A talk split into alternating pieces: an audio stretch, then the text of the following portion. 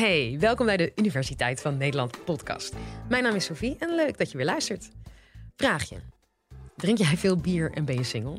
Let dan even op, want dit zijn misschien wel factoren die de kans vergroten dat jij slachtoffer wordt van criminaliteit. En gelukkig vertelt Jan van Dijk van de Universiteit van Tilburg je in dit college ook hoe je deze kans kunt verkleinen. Enjoy!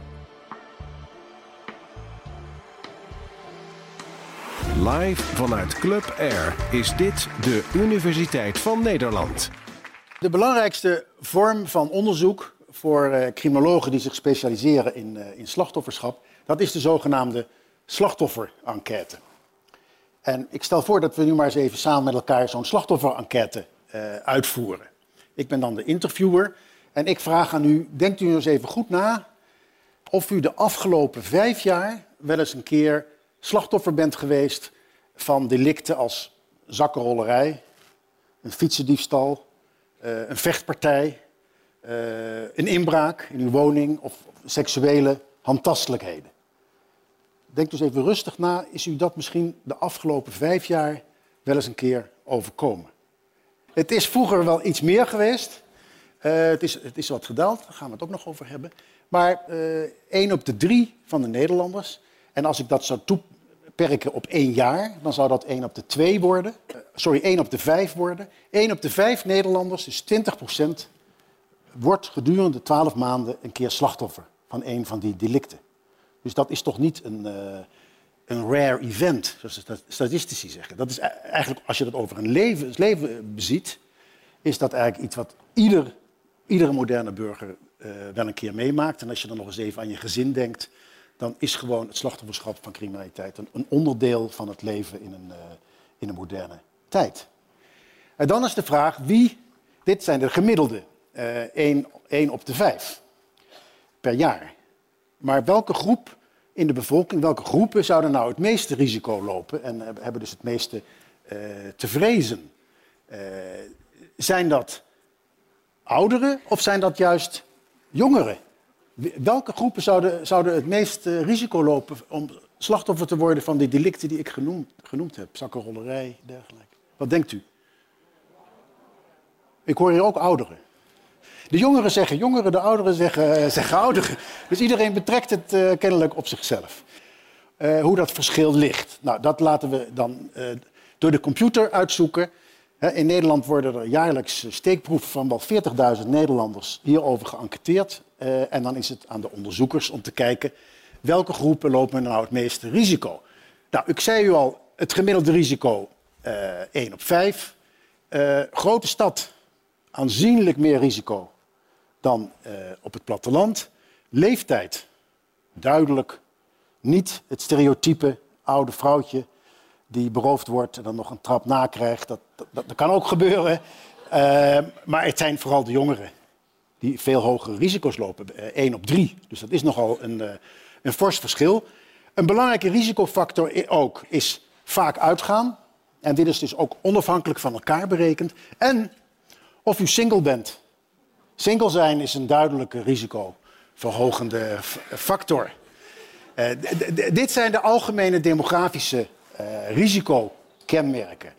Er zijn natuurlijk ook hele specifieke uh, kenmerken. U, zult allemaal wel beseffen dat nogal wat daders van geweldmisdrijven onder invloed van alcohol verkeren. Maar onderschat u niet hoeveel slachtoffers van geweldmisdrijven er ook onder invloed verkeren. Dat is namelijk bijna evenveel. Twee derde deel van de slachtoffers van wat er zo binnenkomt bij de politie heeft, was ook zwaar onder invloed van alcohol. Da nou, als je weet dat dat zowel aan de dader als aan de slachtofferkant uh, optreedt, dan kan je wel verwachten dat in landen waar veel, uh, met name bier geconsumeerd wordt, dat dat ook de landen zijn waar het meeste slachtoffers van geweldmisdrijven voortkomen. En dat, dat klopt dus ook. Nederland zit ook vrij hoog, zowel op de bierconsumptie als op slachtofferschap van geweld. En mijn advies aan de Nederlandse overheid is eigenlijk al jaren. Wanneer jullie nou echt het menen dat je Nederland veiliger wil maken, dan heb je niet meer blauw nodig en ook niet strenger straffen. Dan moet je gewoon zorgen dat de bierconsumptie omlaag gaat naar het niveau van Italië of Frankrijk. En dan zal de geweldscriminaliteit om en nabij uh, kunnen worden gehalveerd. Eh, dat advies is nog niet opgevolgd, maar het, het staat nog steeds. Ik heb er net op gewezen dat eh, jonge mensen in de grote stad, vooral ook als ze single zijn, eh, dat die een, eh, een groot, relatief groot risico lopen op slachtofferschap. U bent dus eigenlijk de doelgroep van, van de criminelen. En dan wil ik er nog bij zeggen, beseft u dan vooral dat u vooral een doelgroep bent voor criminaliteit tijdens uw buitenlandse vakanties. Tijdens die korte tijd dat u in het buitenland bent, kent u namelijk de omgeving niet. U heeft spullen bij u, u heeft een camera bij u. Eh, u bent niet streetwise. U ziet niet aankomen wat er gaat gebeuren. Tijdens die twee, drie weken dat u in het buitenland bent, loopt u, terwijl u al een hoog risico hebt, loopt u net zo'n hoog risico om slachtoffer van criminaliteit te worden als in de hele rest van het jaar. En dat is niet alleen van de kleine criminaliteit, maar ook van eh, geweldmisdrijven en zedenmisdrijven. Dat is eigenlijk gevaarlijkste, dat zijn de gevaarlijkste eh, weken in, eh, in, in, in uw leven. Eh, en daar kunt u dus zelf, daar kunt u dus zelf ook iets, iets aan doen om juist in die periode meer op uw hoede te zijn. U zult waarschijnlijk allemaal wel eens gehoord hebben het verhaal dat mensen die slachtoffer worden, een groot risico lopen om daarna in, de, in het komende jaar weer slachtoffer te worden. En dan is de vraag, is dat nou een, een urban myth, is dat nou een, een kletsverhaal of is dat waar? Ik heb zelf vroeger eigenlijk altijd gedacht dat dat een, kletsverhaal was. Maar nu we dat zijn gaan analyseren, in die slachtofferenquête uitkomt, blijkt dat dat volledig waar is.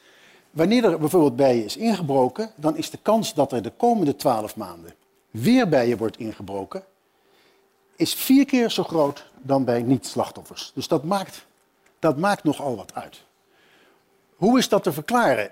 Nou, ten eerste, wanneer er bij u ingebroken is, dan, dan behoort u hoogstwaarschijnlijk tot een risicogroep.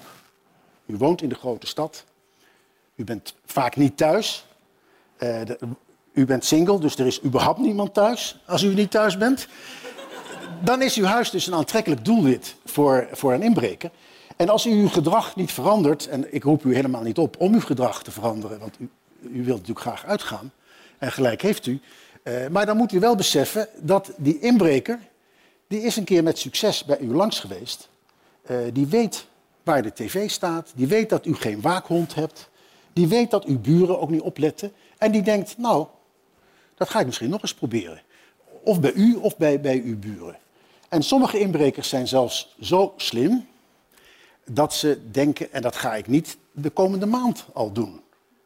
Dat doe ik wanneer de verzekering heeft uitbetaald en er een nieuwe tv is geïnstalleerd. Ze komen dus drie, vier maanden nadat er is ingebroken, komen ze nog eens kijken. Eh, en dat is echt eh, in Nederland bewezen, het is in Engeland bewezen. Zo, zo werkt het. Eh, dus je moet, wanneer er bij je is ingebroken, is er alle reden om iets aan je beveiliging te gaan doen. En ik denk dat veel mensen enorm onderschatten hoeveel ze daarmee het verschil kunnen maken. Mensen die eh, helemaal niets aan beveiliging doen, die hebben een kans eh, gedurende een jaar van ongeveer 8% op een inbraak.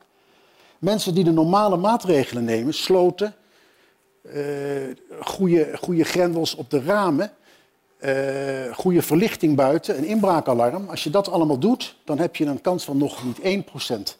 Dus je kan enorm eh, je eigen risico verlagen door gewoon de normale elementaire maatregelen te nemen. Daarbij kan natuurlijk de overheid je ook wel een beetje helpen. Eh, en in Engeland eh, is er een prachtig, eh, prachtig project van de Engelse politie. En dat noemen zij het project van de Olympische medailles. Wanneer er één keer bij is ingebroken, dan heb je brons. Dat wil zeggen, je krijgt een folder over hoe je je huis beter kan beveiligen. Wanneer er twee keer bij is ingebroken, eh, dan krijg je zilver. En dat betekent dat ze bij je langskomen en dat ze je echt gaan bij de hand nemen om je huis beter te beveiligen. En er zijn in sommige steden in Engeland zelfs subsidiepotten voor. Drie keer ingebroken, goud. Dan hangen ze namelijk een videocamera in je huis op. Direct verbonden met de recherchekamer van de plaatselijke politie. Want dan weten ze statistisch dat de kans heel groot is op een heterdaadje. Ze weten dan dat als ze daar recherchecapaciteit op zetten, dan hebben ze echt een, grote kans dat de val dichtklapt en dat ze iemand kunnen arresteren. Een prachtig uh, project, ook uh, scherp geëvalueerd, positieve uitkomsten. Uh, is ook qua kosten-batenverhouding heel gunstig, want je zit echt heel gericht te investeren op een doelgroep die een heel hoog risico heeft. Dan zou je verwachten, nou dat zal Nederland dan wel overgenomen hebben. Het is bewezen effectief. Nou, zo, zo werkt dat niet. Er is in Nederland inderdaad in Limburg wel een experiment geweest. Maar dat, dat, is dat heeft nooit tot iets geleid. Uh, de politie vond het heel moeilijk om te registreren wie er al eerder slachtoffer uh, was geweest. Hun registratiesystemen zijn nog helemaal gericht op de daders. Dus ze kwamen er gewoon niet goed uit met de computer. Dat was al een groot probleem. En de, de, de medewerkers van Slachtofferhulp Nederland uh, die vonden het eigenlijk niet echt hulpverleningswerk. Dus die hadden daar ook niet zoveel uh, zoveel animo voor. Dus dat, onder, dat, dat project in, in, Limburg is eigenlijk een zachte dood uh, gestorven. En überhaupt moet ik helaas constateren dat eigenlijk die belangstelling voor beveiliging, waarvan wij weten dat het heel effectief is, dat het, dat het echt mensen enorm kan helpen om hun risico's omlaag te brengen, die belangstelling is in de politiek eigenlijk helemaal weggezakt. Sommigen van u zullen zich nog herinneren het logo VM. U ziet het nog wel eens op parkeerplaatsen. Buitenuit staat er dan, staat een VM bij. Of u ziet soms ook nog wel eens attentie buurtpreventie. Ook VM. VM was de afdeling van alle grote politiekorpsen in Nederland voor voorkoming misdrijven. Tien jaar geleden heeft de Nederlandse politietop in zijn wijsheid besloten dat dit niet echt politiewerk was en dat ze daarmee op zouden houden. En al die afdelingen VM zijn inmiddels gesloten. Mensen hebben andere banen. Die kennis is weg bij de politie. Uh, dat werk waarvan we weten dat het echt effectief is, daar is de Nederlandse politie dus mee opgehouden. Nou, ik vind dat een beetje te vergelijken als dat het AMC zegt. Wij weten dat die statine, die de cholesterol omlaag brengen, dat dat uh, levens spaart. Maar dat is toch geen echt medisch werk. Daar houden wij mee op. Wij gaan voortaan weer alleen opereren. Want dat is het echte werk van de dokter. Dat is nou wat de Nederlandse politie heeft gezegd. Dat wat werkt doen we niet meer. En rechercheren, rechercheren proberen daders te vinden, wat bij inbraken bijna nooit lukt. 5% van de inbraken wordt maar opgelost. Dat is het echte politiewerk. Daar gaan wij uh, op inzetten. We vinden het heel leuk om te horen wat je van dit college vond. Laat een review achter in je podcast-app en vertel het ons. Volgende keer hebben we het over broodje aapverhalen. Mijn naam is Sophie Frankemolen en heel graag tot dan.